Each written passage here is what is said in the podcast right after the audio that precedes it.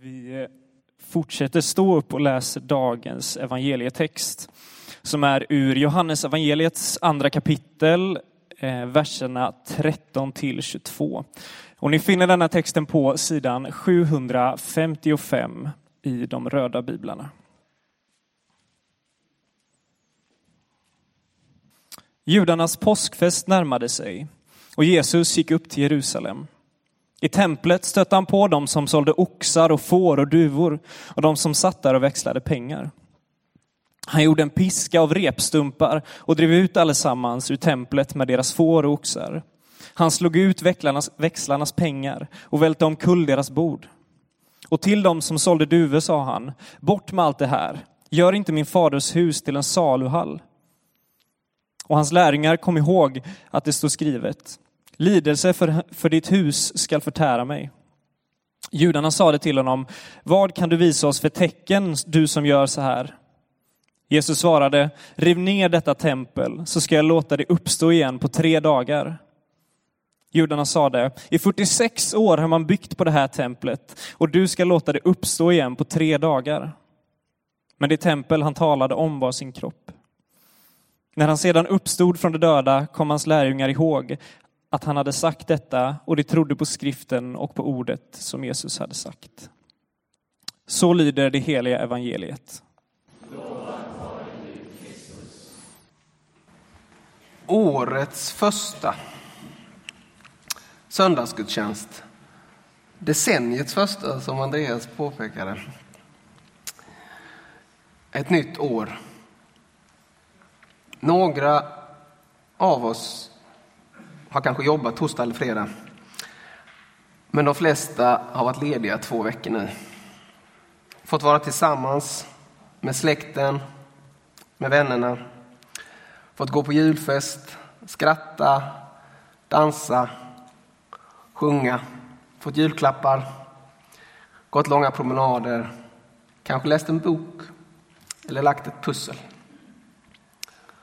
De flesta av oss har haft det bra några av oss har inte haft det lika bra. Någon har varit sjuk. Någon har vakat hos en döende. Någon har kanske dött.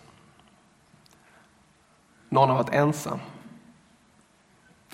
En ensamhet som alltid känns mycket svårare när det känns som att alla andra har sina nära och kära hos sig. Så är det. Jul och nyår är på sätt och vis ett koncentrat av hela livet. Av ljus och mörker, liv och död. Men oavsett hur vi faktiskt haft de här helgerna så kan ingen ändra på det faktum att julen och nyårets grundläggande tema och mening är att ljuset och livet träder in, föds in i mörkret och döden för att besegra denna död och detta mörker. Och Jag tycker det ligger något väldigt fint i att jul och nyår ligger som de ligger. Jag är förstås medveten om att det kristna nyåret egentligen är i början av december men jag tycker ändå att det är fint att vi faktiskt firar nyår direkt efter jul. För vi får liksom först med dunder och brak och tomtar och mat fira att kärleken, Jesus Kristus, föds ny in i världen och därmed in i våra hjärtan. Och sen så får vi gå in i det nya året med den här kärleken. Ny. Och jag tror vi kan behöva denna nya kärlek. Året som har varit har varit minst sagt oroligt. Om man tittar på den nyheterna, den mediala scenen. Jag ser att Joakim sitter och lyssnar. Han har skrivit mycket om detta. Det har varit våldsdåd, klimatkris, artdöd, ensamhet, psykisk ohälsa, populismens framfart, Det ser ganska mörkt ut. Det kan se ganska mörkt ut. Men mitt i allt detta får vi fira att den kärlek som gör allting nytt ändå har fötts och föds in i denna värld. Det är helt fantastiskt. Det är en motståndshandling, en ljusets motståndshandling som lyser upp mörkret och kommer med hopp. Idag är det som sagt årets första söndagsgudstjänst. Temat är Guds hus. Och då frågar man sig, vad är Guds hus för någonting? Och jag tänker att Gud egentligen har två hus. Ett i himlen, där ovan, och ett här, på jorden, i våra hjärtan. Eller kanske snarare så här, Gud har ett färdigt och perfekt hus i himlen. Och sen har han ett halvfärdigt hus. Ett sånt där renoveringsobjekt som kan behöva ganska många timmar av omvårdnad och snickerier här nere på jorden. Och den kristna berättelsen är berättelsen om hur Gud stiger ner från sitt perfekta hus för att tillsammans med oss människor renovera och bygga färdigt sitt hus här nere på jorden. I kyrkan brukar vi ibland tala om människan som en Guds avbild som behöver sträva mot likhet. Och det vi menar när vi använder begreppen avbild, likhet, är att det finns någonting i människan. Ett mönster, någonting grundläggande som är en avbild av Gud. Men att detta är skadat. Det har gått sönder. Och det måste därför förvandlas, helas, helgas om vi ska kunna likna Gud. Eller med andra ord så behöver vi tillsammans med Gud renovera och bygga färdigt Guds hus här nere. På jorden och i våra hjärtan. Följdfrågan, hur ska det ske? Hur renoverar vi Guds hus i våra hjärtan? Ja, när vi undrar över något Särskilt om vi undrar om någonting som har med relationen till Gud att göra så är det bra att be. Det brukar vara extra bra att be den bön Gud har lärt oss. Så jag tänkte jag skulle göra det. Fader vår som är i himlen. Helgat var ditt namn. Tillkommer ditt rike. Ske din vilja, så som i himlen, så och på jorden. Ske din vilja, så som i himlen, så och på jorden. Det är en nyckel. Det är en nyckel till hur vi går från avbild till likhet. Hur vi renoverar Guds hus på jorden.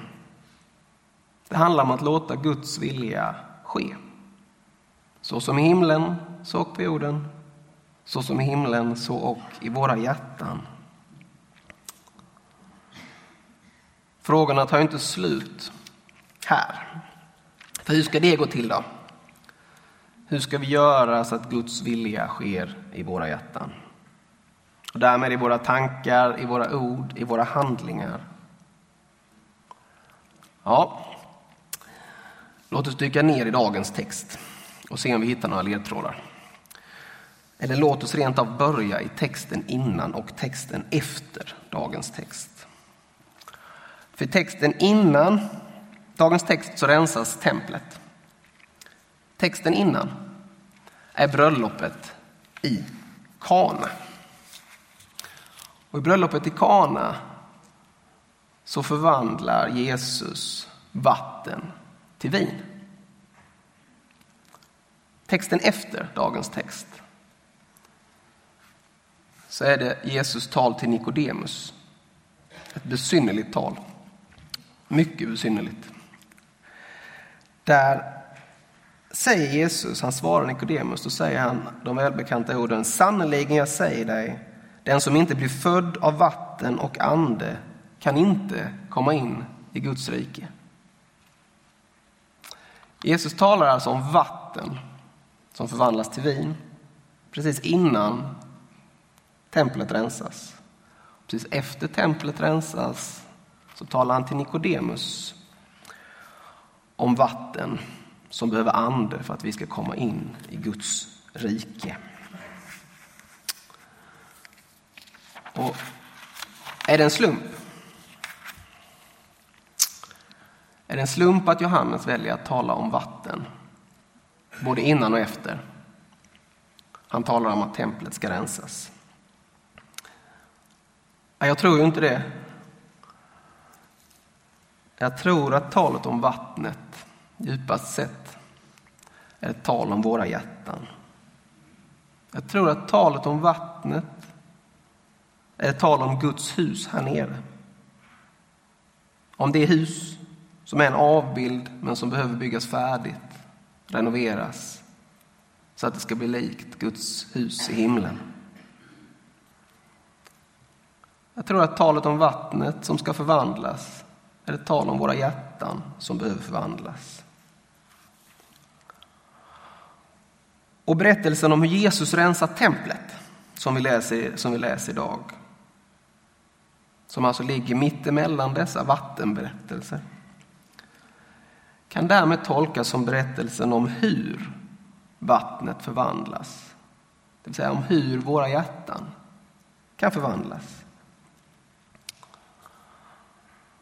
Och I dagens text så stöter Jesus på dem som säljer oxar och får och duvor i templet. Och han blir ju mycket arg. Han gör en piska av repstumpar och kör ut dem våldsamt. Varför gör han det? Varför reagerar han så starkt för några som står och säljer duvor i ett tempel?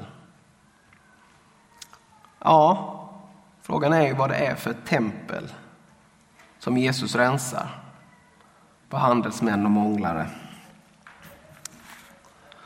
Och det är inte så svårt att förstå. Om man, bara, om man bara går till texten så liknar Jesus själv templet vid sin kropp. Sin egen kropp.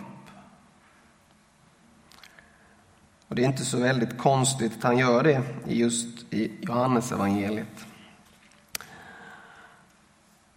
Det är inte konstigt att Jerusalems tempel är en del av hans kropp.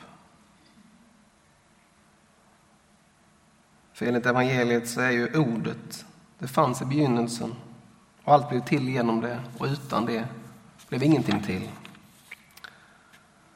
Och när Jesus rensar ut månglarna ur Jerusalems tempel innebär detta, med andra ord, mycket mer än att han rensar ut dem ur detta 2000 år gamla hus. Det är istället så att han påbörjar utrensandet av månglare från hela sitt tempel, hela sin kropp, hela kyrkan i slutändan hela kosmos. Och inte minst, som vi redan sagt, det mänskliga hjärtat. Det är som Paulus skriver i Första Korintierbrevet.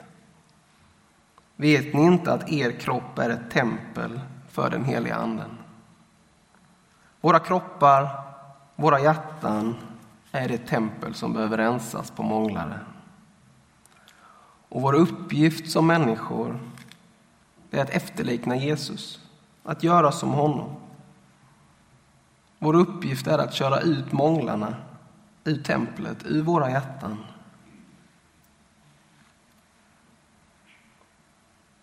Mm.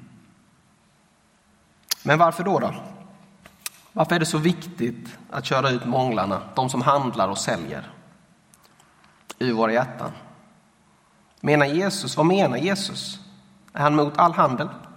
Ska vi inte kunna köpa mat? Ska vi inte kunna köpa bröd? Ska vi inte kunna byta tjänster med varandra? Jag tror inte det. Jag tror inte det är riktigt det Jesus menar. Det finns inget fel i att köpa saker och sälja saker i sig. Men det är fel att låta vårt hjärta vara fyllt av detta köpande och säljande. För när vi försöker sälja någonting så innebär det nästan ofrånkomligen att vi försöker väcka någons begär efter det som inte är Gud. Och att köpa något innebär allt för ofta att försöka stilla ett begär efter det som inte är Gud. Och hur mycket av vår oro och vår ångest handlar egentligen inte på sätt och vis om handel. Bottnar inte mycket av oron i vad jag måste göra, i vem jag måste vara och i vad och hur mycket jag måste betala för att passa in, för att bli älskad. Och det är naturligtvis inte bara en fråga om pengar. Det handlar lika mycket om hur mycket av mig själv som jag måste ge upp för att accepteras på skolgården, på jobbet, i familjen. Vad jag måste betala till omgivningen för att omgivningen ska ge mig det jag begär.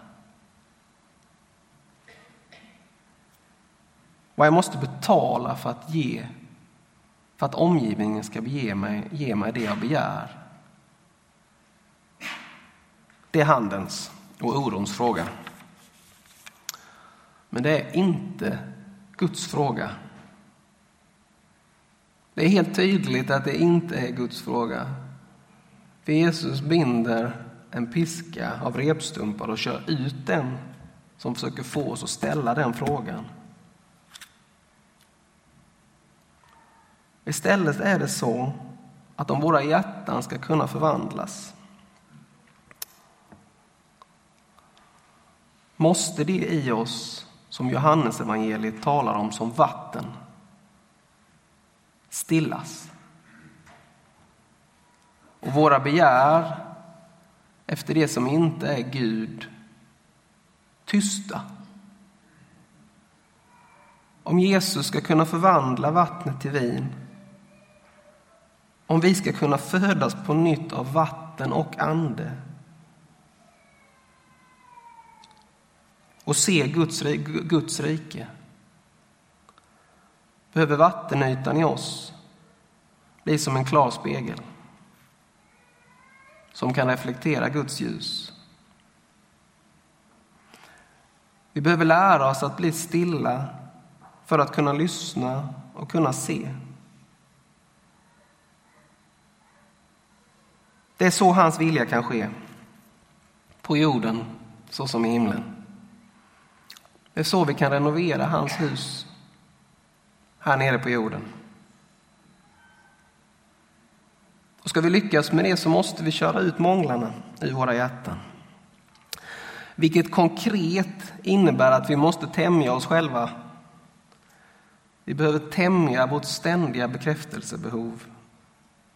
Vårt eviga jakt på prylar och resor och status och inte minst detta beroende av digitala distraktioner som jagar oss hela tiden. Det går inte att höra Guds röst om telefonen ständigt plingar av notiser. Eller om vi måste kolla våra flöden så fort det finns en sekund över. Lyckas vi inte tämja dessa begär är det som att det blåser storm i vårt inre. Alltså som om vårt inre vatten bröts i höga skummande och öronbedövande vågor där man ingenting ser och ingenting hör.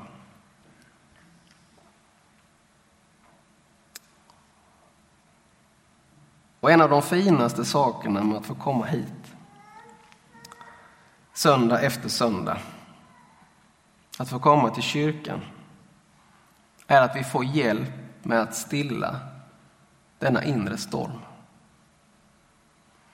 Vi får, vi får hjälp med att tämja dessa inre destruktiva begär Vi får hjälp med att köra ut månglarna ur våra tempel.